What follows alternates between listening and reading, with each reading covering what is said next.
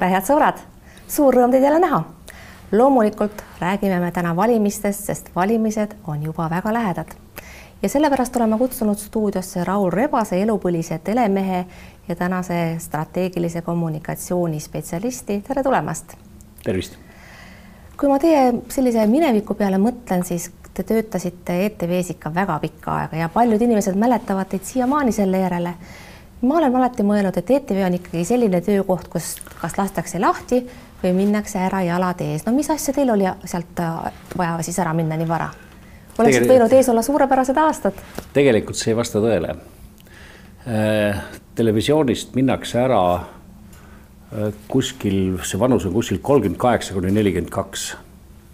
ja ka teistes valdkondades ajakirjanikud loobuvad selles ametis, mina ka neljakümne üheselt seepärast, et siis saab inimene vist sotsiaalselt suguküpsemaks ja, ja tahaks teha nagu midagi muud, seepärast et see ei pakkunud enam noh, põnevust selles mõttes, et pulss oli kuuskümmend, kui läksin tegema Aktuaalset kaamerat, jah, ma olin tõesti kaua aega äh, lapsepõlvest saadik sisuliselt. aga, aga ma ei kahetse ühtegi hetke seda, aga need, kes jäävad pärast seda vanust, need jäävad surmani. no selge, võtan teadmiseks tegelikult te võiksite praegu ju rahulikult vanaduspõlve pidada, aga te olete nii hõivatud, et me peame teiega eetrisse minema pool üheksa hommikul. mis asja te teete hommikust õhtuni? Äh, minu suur hirm on igavus. ja, aga kuna mul seda, noh, ma kardan seda, et kui see tuleb ühel päeval, aga, aga mul ei ole igav. seepärast, et praegu noh, nii palju asju toimub maailmas ja äh, ilmselt sellest vanast ajakirjaniku põlvest on jäänud uudishimu ja see on üks väga oluline omadus, mis hoiab liikvel. ja uudishimu on olemas, mul on oma sõprade ring, kellega ma suhtlen ja, ja, ja arutan ja noh, ka loen ja jälgin piisavalt palju, seepärast et mul muid ajakulutusi on vähem kui noortel inimestel. presidendi vastuvõtul te sel aastal ei käinud, kas tõesti ei kutsutud? ei, ma arvan, et see on ääretult normaalne, seepärast et ma isiklikult arvan, et tulebki vahetada kaadrit millal viimati käisite? No siis, kui viimane kord oli, ma täpselt nüüd ei mäleta, vahepeal koroona käi ära ja siis ikka enne koroonat? jah. hästi, me räägime mõne sõna vastuvõtust, sest see on sündmus, mis on värskelt meeles ja ma märkasin, et teie Facebookis olete teinud ka postituse nii-öelda kleitide kaitseks. ja et olete viidanud siis sellele, et oleks imelik, kui kõik naised tuleksid ühe kleidiga ja veel imelikum oleks, kui nad tuleksid üldse ilma kleitideta. ja lõpuks te siis väidate seda, et iseenesest ilusad kleidid võiksid pidupäeva juurde käia ja neid arvustada justkui tohib ka. ja mulle jääb siis mulje, nagu oleks see vastuvõtu raskuspunkt justkui kleitidel aga tegelikult ta sellel aastal vist oli natuke kuskil mujal. mina tahaks just öelda, et vastuvõtu äh, raskuspunkt ei ole mitte mingil juhtumil kleitidel ja ma just protesteerisin nagu selle vastu, et nendest kleitidest üritatakse, kaasa arvatud ka negatiivses toonis, teha mingisugune äh, sündmus. see on täiesti normaalne, tõesti, ma arvan, et naised peavadki kleitides käima, aga vastuvõtu raskuspunkt on selles, et see on ainukene päev aastas, kõige tähtsam punkt kus äh, on võimalik näha äh, need kaheksasadat inimest, keda president siis peab oluliseks äh, noh, Eesti rahvale näidata, aga eelkõige ma tean, et selle vastu väga paljud protesteerivad, on see suur telesaade, aasta kõige suurem telesaade tohutu vaatajaskonnaga ja nende televaatajate meeleolu, kes seda vaatavad, on tegelikult selle saate dominant ja kõik ülejäänud on selle teenistuses ja te viitasite, et kui mõeldakse teisiti, kui praegu kirjeldatakse, siis võib see telesaade justkui nässu minna. kas teie hinnangul läks siis seekord midagi nässu vastuvõttu või telesaadete juures? ei, see oli lihtsalt teistmoodi see oli teistmoodi, ta oli oluliselt kiirem, võideti kiiruses väga palju, noh, kõik oli lõppenud enne Aktuaalset kaamerat. Ja kaotsi läks see, et me tundsime ära või saime teada võib-olla ainult umbes kümme protsenti inimesi, staarid no. tunneme niikuinii ära. Äh, ja teised inimesed, noh, kes on, ma ei tea, aasta põllumees või aasta päästja või, või tubli inimene Põlvast, need jäid meile tundmatuks no just, mis me Pimesikku mängime, tegelikult oli ju formaadi uuendus märkav, märgatav ja mina ajakirjanikuna olen oma seisukohta ka väga selgesti väljendanud. minu meelest peaks president oma külalisi tutvustama ja külalised ise sooviksid kah ehk omavahel tuttavaks saada. isegi tavaliselt sünnipäevapeol tutvustatakse külalisi üksteisele, isegi siis, kui teleülekannet ei ole, eks ole. ehk mõle... siis, et kas see oli nagu hea mõte? Eh, ma arvan, et, et on ka seal võimalik elektrooniliselt lahendada niimoodi, et on tiitrid või, või mingid muud asjad, aga jah, sellega olen ma veendunud, et kõik külalised peavad olema äratuntavad ja nähtavad ja teada, kes nad on, seepärast et eh, nende olemuse, nägude, pilkude, käitumise järgi teen ma otsuse, missugune on Eesti praegusel ajal. eks ole, aga mis te arvate, miks presidendi kantselei nii otsustas, minu meelest on see ülimalt läbimõtlematu otsus, kui olla otsekohene. Noh, see on lihtsalt äh, muudatus. muudatuse pärast. ja no ma ei tea, kas muudatuse pärast, vot ma olen hästi palju käinud, eks ole, olümpiamängudel ja näinud avatseremooniaid ja avatseremooniatel on alati vaja midagi tuua uut, kas tehnoloogilist mingi mõte, aga põhiasjad sissemarss, äh, vande andmine, kõik need hümnid, asjad, need on nagu täiesti puutumatud, need peavad olema. kuidas ta tehniliselt lahendatakse, on iseküsimus. aga, aga noh, seal oli, kõik oli väga tipp-topp, välja arvatud üks asi, ma ei saanud teada, kes seal olid tõepoolest olen teiega täiesti, täiesti ühel nõul selles asjas. kuidas muidu president Karis teile tundub, kuidas tema ametiaeg teile paistab? ma arvan, et ta on kui meil enne teda olid noh, väga erinevad ja väga sellised äh, koloriitsed ja väga sõnakad presidendid, siis pre, president Karis mõjub väga rahustavalt ja, ja äh, noh, kui ma nüüd kõne võtan, võib-olla äh, ma oleks tahtnud, et oleks olnud nõks lühem, aga see on noh, sügavalt isiklik arvamus. aga teine on see, et temaatiliselt ja, ja olulistele asjadele töö pühendas täielikult tähelepanu. nii et minu meelest praegu on täiesti korras meil selle asjaga hästi, aga tegelikult räägime me täna peamiselt valimistest. Teie, ma saan aru, olete juba loomulikult valimas käinud, olete andnud e-hääle ja olete valinud naist, õige? peaaegu, aga kõik muu on tehtud. Mis siis nüüd ei klapi? See, et keda ma valin, selle ma jätan enda teada no aga te, ma eeldan, et te valisite naist, sest juba kahe tuhande üheteistkümnendal aastal kirjutasite te meeldejääva artikli Naispuudega Eesti, kus viitasite sellele, et ainult väga rumal riik võib jätta kasutamata selle vaimse potentsiaali, mis tal on ja suurt hulka vaimsest potentsiaalist esindavad naised. ja pealegi nüüd ka selle aasta alguses olete te meelde tuletanud, et Riigikogu valimiselt, valimistel otsustavad Eesti saatuse naised suuremalt jaolt, ehk siis naised on teil südame peal, et seisa, olete valinud naist? Äh, mitte niivõrd naised ei ole südame peal, kuivõrd Eesti. ja ma ei tagane ühestki sõnast, mis ma kirjutasin kaks tuhat üksteist ja mida ma ütlesin praegu. seepärast, et äh, demograafiline ajalooline olukord on viinud meid sellesse kohta, kus meil on sada tuhat naist kõrgema haridusega rohkem kui meest. Äh, meil on naisi rohkem Äh, ja äh, samal ajal, kui meil oli veel kümme aastat tagasi, oli noh, üks minister, kui ma ei eksi, oli siis Rosimannus üksteist aastat tagasi. Äh, et see on absurd, see on noh, mingi Kesk-Aasia piltlikult öeldes. ja pärast seda areng on olnud tõesti väga kiire, meil on olnud nüüd naispresident, meil on naispeaminister, meil on nüüd ilmselt tuleb parlamenti üle kolmekümne naise, noh, see ei ole hüppeliselt, see on trend nii et ma arvan, et selles mõttes Eesti läheb kindlasti õiges suunas ja see on näide, mis on edukatest riikidest, see on Põhjamaad. kas ei ole siiski eh, võib-olla on ikkagi niimoodi, et me ei saa ette päris kindlad olla, et kui naisi on nimekirjades rohkem, et neid ka valitakse, sest te viitate praegu, et üle kolmekümne naise, aga juba Ene Ergma nõudis, et oleks vähemalt nelikümmend naist. Ja no olgem ausad, seda pole isegi mitte pool Riigikogust. Ei ole, aga vaatame jällegi Põhjamaid, kus meil on palju õppida. see trend läheb aeglaselt, aga kindlalt selles suunas ja ma arvan, et paari valimise pärast oleme me ka seal kohal. seepärast, et elu teeb lihtsalt noh, muutused, iga nelja aastaga muutub mentaalsus, muutub demograafiline olukord järjest kaugemale lähevad need inimesed, kes olid harjunud elama noh, nii-öelda Nõukogude Liidus, kus poliitbüroo oli, oli äh, ainult mehed, eks. Ja, ja järjest kaugemale läheb selline talupoeglik kultuur ja tuleb normaalne tasakaalustatud ühiskond, aga seda ei saa minna hüpeldes sinna nii-öelda piltlikult öeldes üle kuristiku kahe hüppega et, et äh, ma arvan, et kõik on praegu nagu hästi, et ühiskond läheb nagu õiges suunas ja, ja ma ei toeta ka seda, et mingi noh, väevõimuga peaks midagi, mingeid suuri asju siin tegema. sookvoote pigem te ei poolda? jah, ma ei poolda nagu pigem neid, et, et, et see läheb praegu iseenesest ja, ja just arvan, et väga otsustav tegur siin on haridus. see on omaaegne Nõukogude tööjaotussüsteem, mis siiamaani mõjutab veel meie elu kus noh, nii-öelda lihtsama töö tegija sai kaks ja pool, kolm korda rohkem palka kui, kui kõrgema haridusega arst või teadustöötaja ja, ja mehed, kes pidid noh, tagama piltlikult öeldes pere sissetuleku väga tihti äh,, läksid äh, neid töid tegema no,. arusaadav. ja, ja nii ta tekkis ja see on tänaseni püsib veel see ebaõiglus.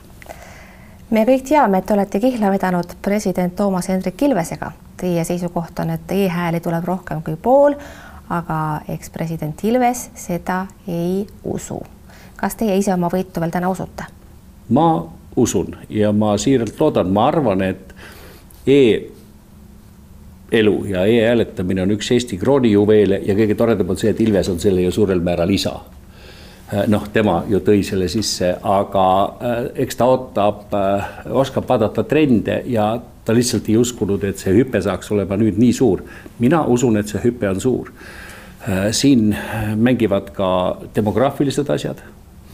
umbes nelja aasta jooksul ja nelja aasta jooksul valimistsükli ajal. Mm, nüüd on meil surnud üle kuuekümne viie tuhande inimese, kes on noh, enam valijate hulgas ei ole, alt tuleb juurde uus seltskond. Nemad ilmselt on rohkem e-usku kui vanemad. ja kui lugeda numbreid, siis mul on tunne, et äh, ma võin võita aga härra Rebane, kui te kaotate, te peate tegema välja Toomas Hendrik Ilvesele õhtusöögi Ukraina restoranis. siis on see aus kaotus ma tunnen huvi, kas veinid on ka sisse arvestatud või on teil mingi hinnapiir kokku lepitud, palju te kulutate äh,? Vot lugu on selles, et ma ei tea, kas see on seotud vanuse või millegi muuga, ütleme ausalt öeldes, et äh, me oleme mõlemad viimasel ajal väga kehvad veinijoojad, vähemalt nii palju, kui minu teada Toomas Hendrik Ilves ei ole umbes poolteist või kaks aastat äh, tilkega alkoholi tarvitanud. Seda on hea teada, peame silmas mõningates nii et selles mõttes see ei tee lõunasööki kallimaks. õhtusööki. õhtusööki kallimaks. Hästi, räägime valimistest ka koalitsioonivariantide ja, muu mõttes, mis kõik on muidugi siiamaani ainult spekulatsiooni ennustamine, aga me tahame teada, mis hakkab toimuma ja sellepärast ma teie käest pärin. loomulikult ei küsi ma, kes võidab valimised, sest ilmselt peaks taevas maha kukkuma, kui Reformierakond ei võidaks, see on enam-vähem kindel. kes aga moodustab valitsuse? ma ei tea Äh, ja variante on väga palju. Ma arvan, et see, lähme sellest sillast üle siis, kui see silt tuleb, et, et vaatame valimistulemused ära, me saame praegu ju rehkendada ainult mingeid tõenäosusi, eks ole, uuringute põhjal. siin viimase nädala jooksul võib veel mingeid muudatusi tulla, jah, on päris tõenäoline, et, et reform võidab ja siis jääb tal valikuvõimalus. Ehm, valikuvõimalus äh, viimaste Emori uuringute järgi toimus suur muudatus selles, et enam ei anna Keskerakond ja Reformierakond kokku valitsust, neil oli nelikümmend kaheksa häält. ja nad peavad muudatus. mõlemad juurde saama päris tublisti, sest ka viiskümmend üks, ma arvan, ei ole piisav, et oleks viiskümmend kolm, viiskümmend neli. see on väga oluline strateegiline muudatus ja, ja teine on siis, mis toimub seal Isamaa ja äh, Isamaa ja sotside ja kuidas need hääled seal lähevad, nii et Äh, Reformierakonnal on päris suur menüü tekib võimalustest, eks näeb, kuidas nad seda kasutavad, aga ma ütlen veel kord, et pole mõtet enne valimiste lõpptulemusi sinna midagi rehkendada. ja ma saan sellest täiesti aru, ennustamine ongi tänamatu töö ja nende uuringutega, millele te viitate, olen ka mina kursis ja ma eeldan, et meie vaataja jälgib neid ka, kuna tal võiks poliitika vastu huvi olla, kui ta seda saadet vaatab. aga mis teie sisetunne ütleb, kuidas läheb? Ähm,. siis see tundesti võtad, et. valimised on millegi tagajärg. ja see tagajärg on see, et äh, nende valimiste üldõhkkond on äh, põhimõtteliselt erinev kui eelmistel valimistel. ja kui veel kuskil novembris-detsembris arutati, et mis on valimiste peaküsimus, siis äh, tänaseks on täiesti selge, et suur erakordne rahvusvaheline sündmus, mis algas e-, täpselt aasta tagasi, kahekümne neljandal veebruaril ehk Ukraina sõda on nende valimiste peaküsimus ja koos sellega turvalisus, julgeolek. Maslowi püramiid ütleb selgelt, kõige tipus on iseenda personaalne julgeolek. ja siis tulevad muud asjad. ja tahame või ei taha Ukraina sõda koos kõikide nende probleemidega, ükskõik mis teemat ei arutata, on siinsamas toas, siinsamas stuudios kogu aeg. arutad sa toimetulekut, arutad sa äh, haridust äh,, see on siin. Ja kes tegi panuse selle peale, siis praegused uuringud näitavad, et nende võimalused on ilmselt paremad. Te viitate sellele, et Reformierakond võidab valimised ja ikkagi moodustab ka valitsuse, kuna kõik need teemad, mida te siin praegu ette toote, on nendel leivanumber. no loomulikult, seepärast need on, algusest peale valinud äh, selle nii-öelda äh, riigi julgeoleku teema ja, ja katsed viia sellest kõrvale, tuua sisse noh, teisi teemasid ei ole osutunud äh, noh, täielikult õnnestunuks. loomulikult me arutame kümneid erinevaid asju, valimistel alati arutatakse. aga see on peamine. missugune on teie hinnangul tõenäosus, et EKREIKE tuleb tagasi? ega siis osapooled ei ole ju teinud saladused, saladust sellest, et neile meeldiks see. Jüri Ratas tahaks saada peaministriks ja see on ainus võimalus, kuidas tal see mingisugunegi võimalus oleks noh, seda otsustab äh, mitte Ratas ega EKRE ega, ega keegi muu, seda otsustab rahvas kui hääled tulevad, kui hääled tulevad kokku, äh, siis saab, ma arvan, sünnib valitsus automaatselt. ja, ja seda otsustatakse just praegu, see on, meie teeme valitsust, mitte nemad. meie hääled teevad valitsust. tõepoolest, see meile täpselt samuti ka, ka, täpselt samuti ka kõikide teistega. Mis te arvate, kuidas läheb parempoolsetel, esimest korda kandideerivad, ise arvavad, et saavad sisse, toetusnumbrid seda väga ei kinnita Nad tulid suhteliselt hilja ja suhteliselt äh, sellesse kohta, kus on palju rahvast ees. ehk selline äh, liberaalne parempoolne äh, maailmavaade, neil on kindlasti täiesti uusi elemente, ma ei eita aga, aga tegelikult noh, ei erine ju nende äh, arusaamine väga palju ei Reformist ega ka Eesti kahesajast. no nad on tegelikult nagu noor Reformierakond, Siim Kallase aegne. noh, see on, see on teie ütlus, aga, aga, aga seda küll jah. ja, ja kindlasti on ühiskonnas äh, ka sellest puudu. aga samal ajal võib-olla on rohkem puudu näiteks sellisest äh, kaasaaitavast sotsiaalsest, äh, isegi vasakpoolsest, noh, mida ma näitan, mida esindavad praegu eelkõige sotsiaaldemokraadid. Et, et äh, nüüd siin toimub erinevate jõudude äh, keemine, igal juhul eelmistel valimistel Eesti kakssada, kes välja jäi noh, praegu on positsioonilt uuringutega tunduvalt tugevam, nii et peaks, ma arvan, olema päris palju õnne, kui parempoolsed sisse saaks. aga eks nad ongi öelnud, et nad valmistavad ette järgmisteks valimisteks kas seda peate võimalikuks, et parem, et Eesti kakssada, Isamaa või sotsid, üks neist kolmest ei pääse Riigikokku? Vist peaks midagi väga erandlikku juhtuma. arvate, et kõik saavad sisse mm? -hmm. arusaadav. kuidas äh, mõjutavad äh, sellist valimistulemust ja hääletamist praegu skandaalid? üks selliseid kesksemaid skandaale tuli esile ajakirja Poliitika kaudu milles siis äh, Prigožini pooldajad rääkisid sellest, et EKRE oleks neile kõige sobivam partner siin koostööd teha ja äh, Eesti Päevalehe ajakirjanikud on ka näidanud, et tegelikult katse valimisi mõjutada oli, oli olemas, kui ei olnud ka siis konkreetset kokkupuudet või konkreetset koostööd, see pole vähemasti tõestatud. see on see, millest kõik räägivad. kas see EKRE valimistulemuse peale kuidagi hakkab või pigem mitte? Äh, ma ei usu, et see suuresti väga hakkab, seepärast et nüüdseks on ikkagi fikseerunud juba noh, nii-öelda ustavad toetajad ja, ja, ja siis enam ei, niisugused asjad ei loe. aga Porto Franco Keskerakonnale äh,? ma arvan, et ka Porto Franco ei ole Keskerakonnale väga mõjunud, Keskerakonnale on mõjunud hoopis muud asjad. nii et. nimetagem neid. mis? nimetagem neid. see on põhimõtteline strateegiline muudatus, mis on toimunud aastast kaks tuhat üheksateist siiamaani ja selle taustaks on jällegi sealsamas toas olev Ukraina sõda mis on muutnud venekeelse valijaskonna positsiooni väga tugevalt ja Jüri Ratas tegeleb tegelikult praegu suuresti Edgar Savisaare pärandiga.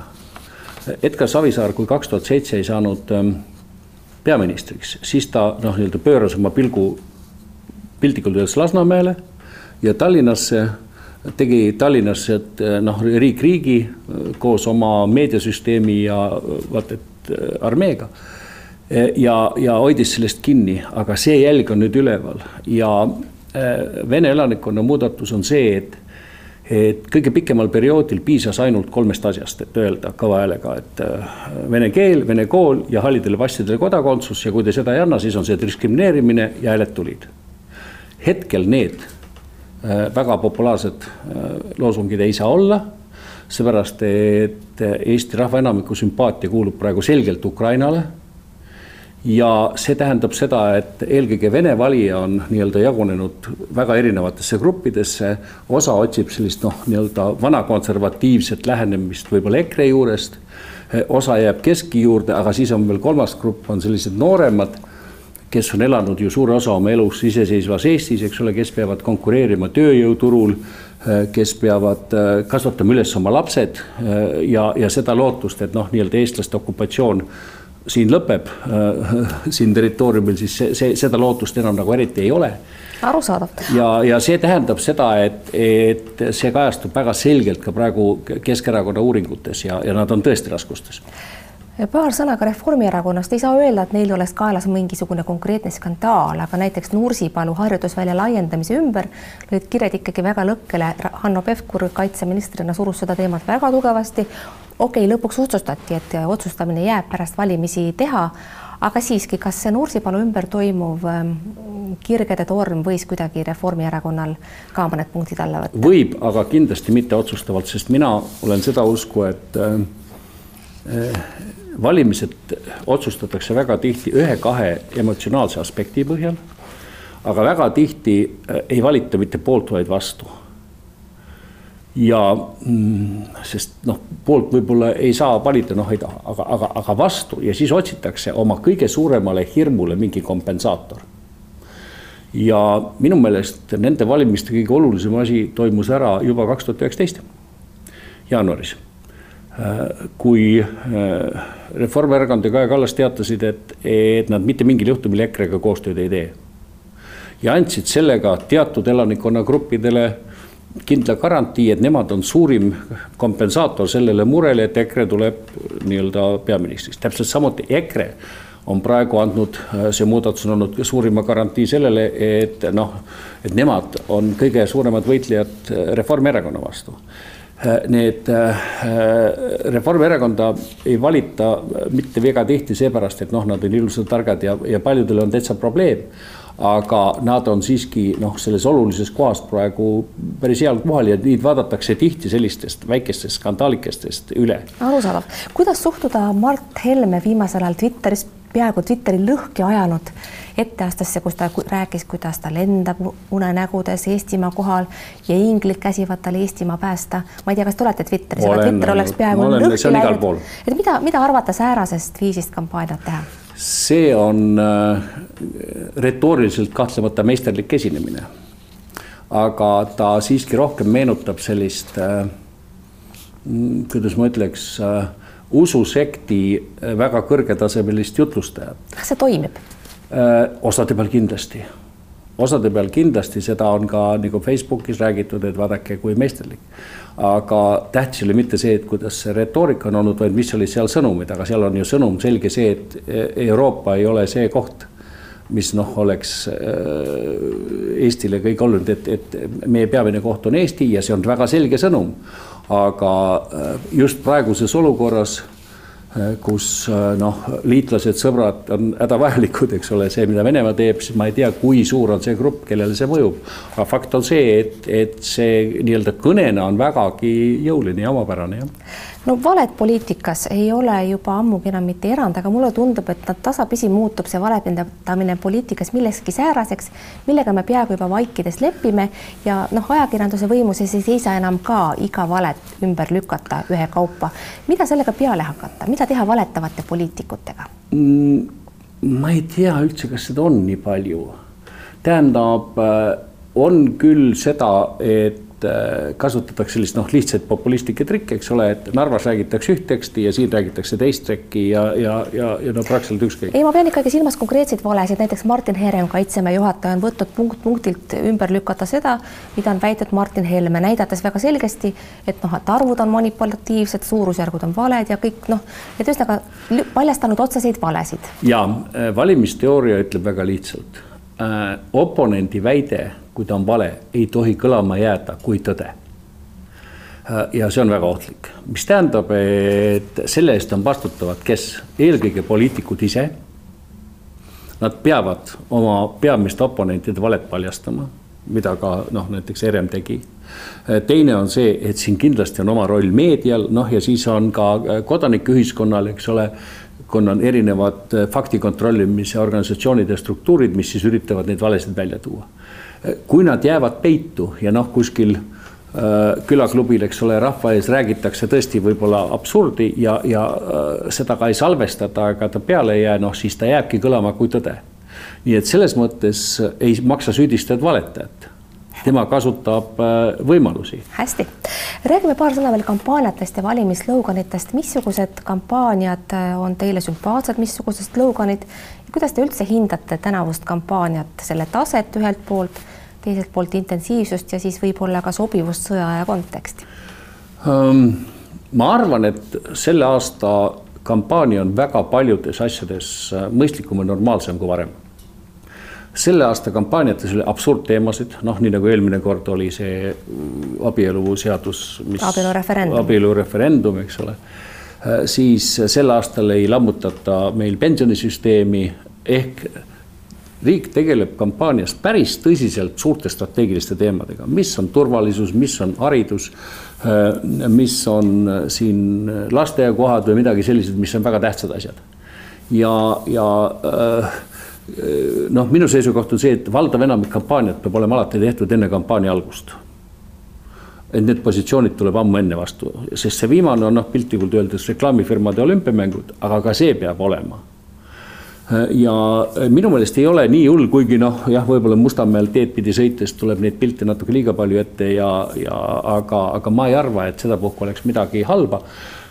loosungite koha pealt ma arvan, et tuleks kõvasti arendada ennast edasi. arusaadav, miks on sel korral peaaegu kõik või õigupoolest isegi mitte peaaegu kõik, vaid sõna otseses mõttes kõik erakonnad loobunud rehkendamast, palju see kõik maksab. isegi Reformierakond ei vaeva enam näitama, kust see raha tuleb, mida nemad siis lubavad kas laiali jagada või maksusüsteemi reformida. ja olgem ausad, see ei huvita eriti ka valijat, kuigi see on tema raha, millega talle kossa tullakse. kuidas nii, küsin ma.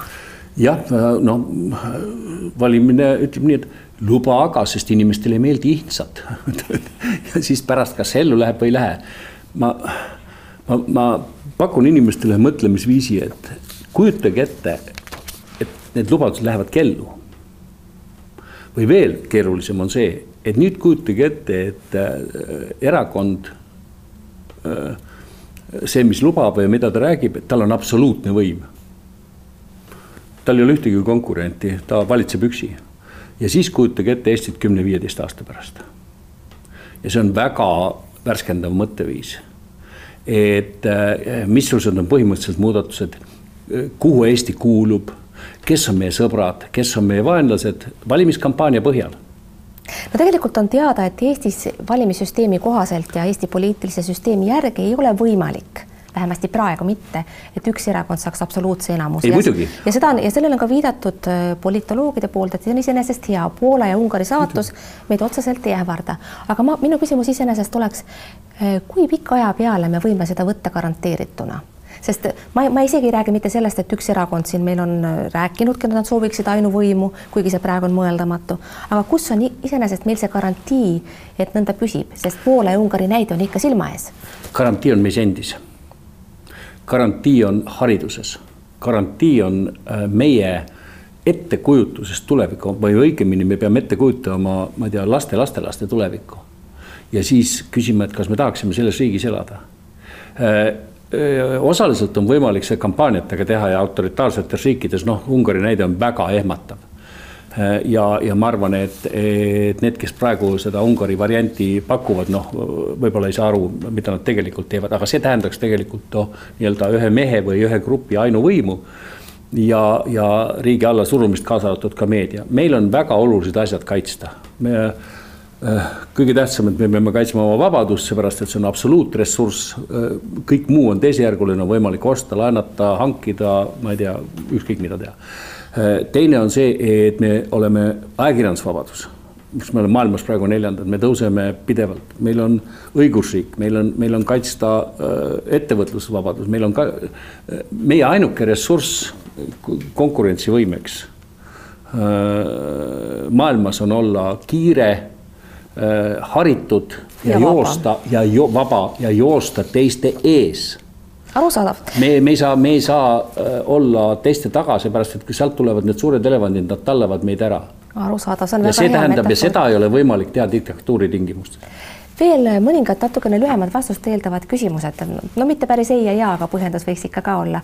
kuidas suhtuda aeg-ajalt ikka kõlavasse nõudmisse avada nimekirjad, et mitte enam parteid ei otsustaks selle üle, kes Riigikokku saab või ei otsustaks selle üle siis vähemasti otsustaval määral, vaid et tõesti käikski ainult häältepõhiselt, seda aeg-ajalt ikka nõutakse?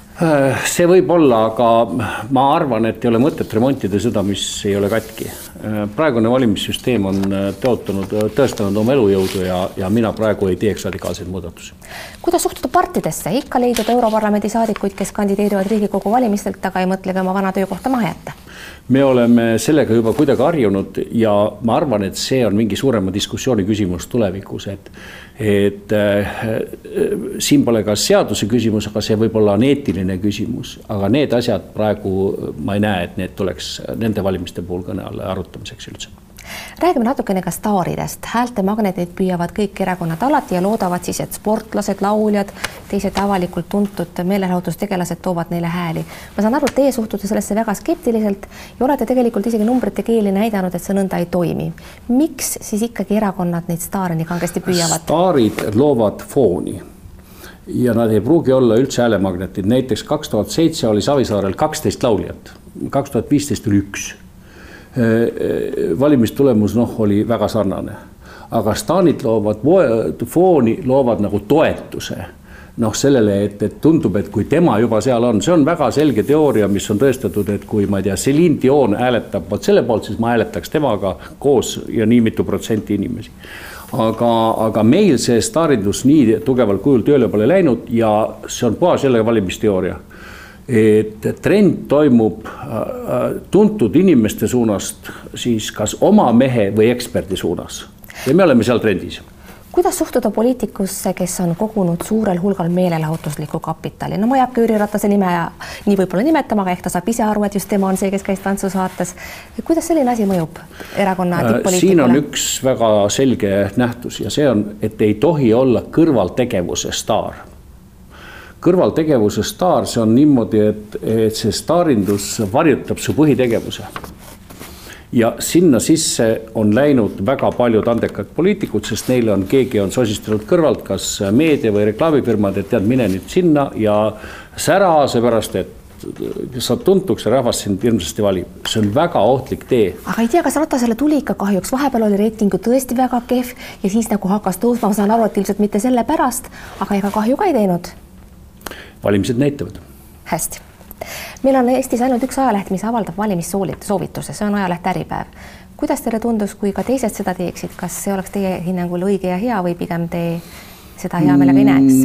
Mm, ma isiklikult olen võib-olla natuke vanamoodne ja skeptiline, et, et valimissoovitus on muidugi tore, seepärast et see on äh, nii-öelda näitab kohe lehe äh, strateegilist suundumust ja ka kuuluvust, grupikuuluvust ja ka maailmavaadet aga ma ei arva, et äh, suured lehed, nii palju kui meid alles jäänud on või väljaanded peaksid mulle andma soovituse, et keda valida, las äh, seda saavad teha inimesed, kes seal lehtedes esinevad, kui nad soovivad soovitus minna kindlasti valima kõlab väga paljudest suudest, ka poliitikud ise rõhutavad seda, aga ka väga paljud arvamusliidrid tuletavad kogu aeg meelde, mis on kaalul, et valida tuleb kindlasti. kui ma seda hommikust õhtuni kuulan, söögi alla, söögi peale, kas, kas see lõpuks ei toimi vastupidi? Ei, ma ei arva, et toimus, sest meil on see kõik üsna stabiilne, kuuskümmend kolm, neli kuskil seal protsenti, ma arvestan praegu umbes kuuekümne viiega. Äh, võib-olla äh, peamised grupid, kes jätavad valimata, on noored. Aga see on seotud nende elustiili ja, ja, ja tuleb leida endale partneri, nii palju on muud tegemist aga seal on kõige suurem ressurss. lõpuks ei saa ju mobiiltelefoniga ainult hääletada, millal see äh, võiks muutuda? no mobiiltelefon, ma kuulsin, tuleb järgmine kord ja, ja, ja see muide, ma arvan, muudab äh, ka äh, valimistel osalemist natukene. aga juba praegu see e-valimine on loonud minu meelest täiendavad foonid, nii et äh, noh, kuuskümmend viis, kuuskümmend kaheksa, ütleme, kui sinna tuleks kuuskümmend kaheksa, oleks muidugi väga võimas, aga kuuskümmend viis protsenti, ma arvan, et, et oleks väga hästi, kui, kui nendel valimistel tuleks osalejaid. ja see võib nõnda olla. paar sõna parlamentaarse kultuuri allakäigust, millest on kohutavalt palju räägitud viimasel ajal. kas see on tõesti nii kohutav või tundub osale inimestele lihtsalt, et vanasti oli rohi rohelisem ja äh, muru ja, ja lumi valgem? kui äh, pilt peeglis ei meeldi, siis äh, ei ole mõtet sinna sülitada, tähendab tegelikult me ise maalime need inimesed ja see kultuuri allakäik äh, näitab ka lubatavust ühiskonnas nii meedias kui ka omavahelises suhtlemises, sest nemad äh, reageerivad sellele, missugune on ühiskond, nad on meie. Äh, see kultuuri allakäik, siin tuleb vaadata ka endale näkku, me oleme ise sellega seotud. kui meile see oleks raevukalt vastumeelne, siis me protesteeriks väga kõvasti. Me ei valiks neid inimesi. me ei valiks neid inimesi, aga kuna me neid inimesi valime, siis, siis pole mõtet kedagi süüdistada ma ei saa jätta kasutamata võimalust küsida teilt kui vanalt spordiajakirjanikult Mehis Viru juhtumi kohta, kellele Kergejõustikuliit hiljuti määras tegutsemiskeelu sportlaste ahistamise ja ebasobiva käitumise pärast. kas sel ajal, kui teie olite tegutsev spordiajakirjanik, ka sellistest juhtumitest räägiti, eh, isegi juhul, kui need alati ei jõudnud meediasse? Äh, räägiti mitte piisavalt mitte otsustavalt ja ma arvan, see on kogu spordikultuuri küsimus ja arusaamine, mis tol ajal, täpselt samuti oli ju dopinguga nõukogude ajal hiljem. mis oli väga selge nähtus, aga millele noh, keegi ei reageerinud, eks ole, väga korralikult, enne kui hakkas kahe tuhandendatel aastatel kogu müll pihta. Äh, siin ei ole üldse mingit kahtlust, see temaatika on, jääb ja tuleb. Äh, juba ka teisel veebruaril toimunud äh, spordikonverents näitas, et me oleme lihtsalt oma juriidika ja kõigega muuga maha jäänud, see nähtus on palju levinum ja, ja äh, siin ka meediale ja ma tuletaksin meelde, et äh, vaadake üle äh, statistikad ja mõtteviisid äh, juhtumi puhul, me usume sind, Andrus äh,. kui sellised asjad ette tulevad ja, ja võib-olla mitte teha nii-öelda ennatlik järeldus ühel kui teisel poolel, aga ma arvan, et, et see juhtum õpetab meid väga palju hästi, lõpetuseks paar küsimust teie kui ettevõtja kohta. Teil on säärane imeliku nimega ettevõte nagu Stratcom. natukene selline nõukogude maigulik eh, nimi, ei tea, miks selline ja pealegi, kui mõelda selle peale, strateegilist kommunikatsiooni seostatakse eelkõige valitsusasutustega, siis valitsust te vist ei konsulteeri. oh jumal, mis ettevõtlus see nüüd on, see on lihtsalt üks võimalus ajada oma rahaasju äh, ja, ja kirjutada välja arveid ja, ja äh, mul ei ole mingi ettevõte, ma olen sisuliselt üks mees paari abilisega. ja ma naudin seda olukorda, et saab teha ise vabalt ja Stratcom, see on strateegiline kommunikatsioon, aga mitte C-ga, vaid K-ga ja, ja selle arvelt ma olen paarkümmend aastat toimetanud. ma vaatasin jah, et ega rikkaks te pole just saanud selle, selle tegevusega, aga ilmselt pensioniliseks sobib küll noh, ütleme niimoodi, et annab võimaluse mitte igavust tunda. viimane küsimus, härra Raul Rebane, teil on sügisel seitsmekümnes sünnipäev. mida te endale sünnipäevaks soovite? ütleme ausalt öeldes, et, et ma küll usun, et kui sa oled nii kaugele jõudnud, siis edasi on ju ainult, ainult tervist ja seda, et igav ei oleks seda soovin mina ka teile suur,. suur-suur tänu, et tulite stuudiosse, head sõbrad, aitäh, et te vaatasite varsti on valimised, aga need saated lähevad ikka edasi järgmisel nädalal, loodan mina. kõike head teile, kuulmiseni ja nägemiseni